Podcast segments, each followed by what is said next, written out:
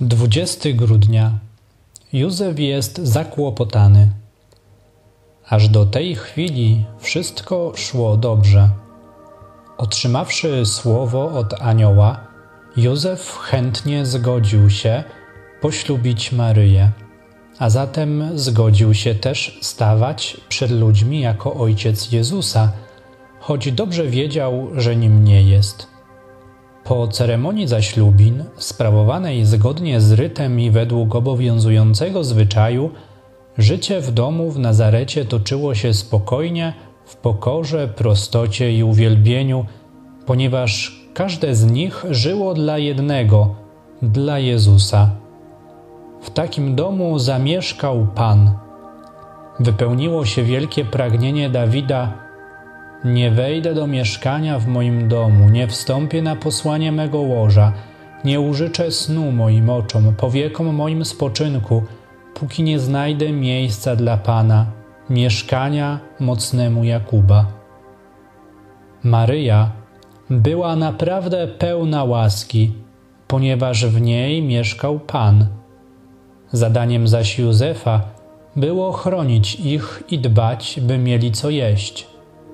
Myślę, że nigdy nie było i nigdy nie będzie ważniejszego zadania niż to, które zostało powierzone jemu. O poranku rozpoczynali dzień modląc się razem, podobnie w południe i wieczorem. Dlatego również my, aż do dziś, o tych trzech porach dnia, o ile to możliwe, odmawiamy Zdrowaś Maryjo, pozdrowienie anielskie – Maryja przygotowywała posiłki i utrzymywała dom w czystości. Józef pracował, a jako że był dobrym cieślą, ludzie zamawiali u niego krzesła, pługi, stoły i inne rzeczy, a uszkodzone przynosili do niego do naprawy. Był uczciwy i nie miał wygórowanych cen, dlatego mieszkańcy Nazaretu korzystali z jego usług. Kiedy Maryja była w dziewiątym miesiącu ciąży, stało się coś nieoczekiwanego, co przysporzyło wiele zmartwień Józefowi.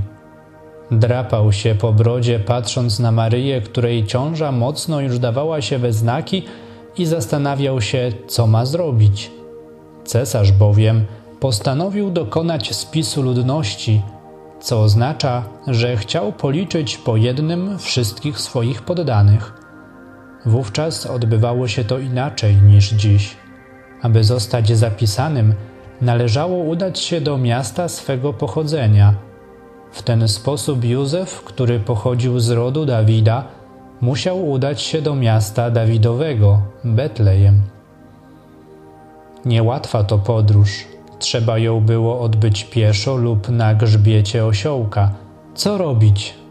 Józef, jak zawsze, postanawia być posłusznym, tym razem cesarzowi. Wiedział dobrze, że nie ma władzy na ziemi, która nie byłaby ustanowiona przez Boga, dlatego, będąc posłusznym imperatorowi, zamierzał być posłusznym Bogu. I kolejny raz, będąc posłusznym, trafia w sedno. Wszak jeśli Józef uchyliłby się od wykonania rozporządzenia Cezara, a miał ku temu tysiąc dobrych powodów, jakże wypełniłoby się słowo proroków o tym, że Jezus narodzi się w Betlejem Efrata? A ty, Betlejem Efrata, najmniejsze jesteś wśród plemion ludzkich. Z ciebie mi wyjdzie ten, który zbawi mój lud.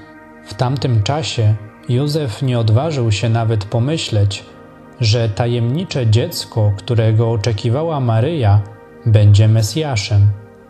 Wiedział, że ma udział w jakimś misterium, ale nie sądził, że w tak wielkim. To zdarza się również nam.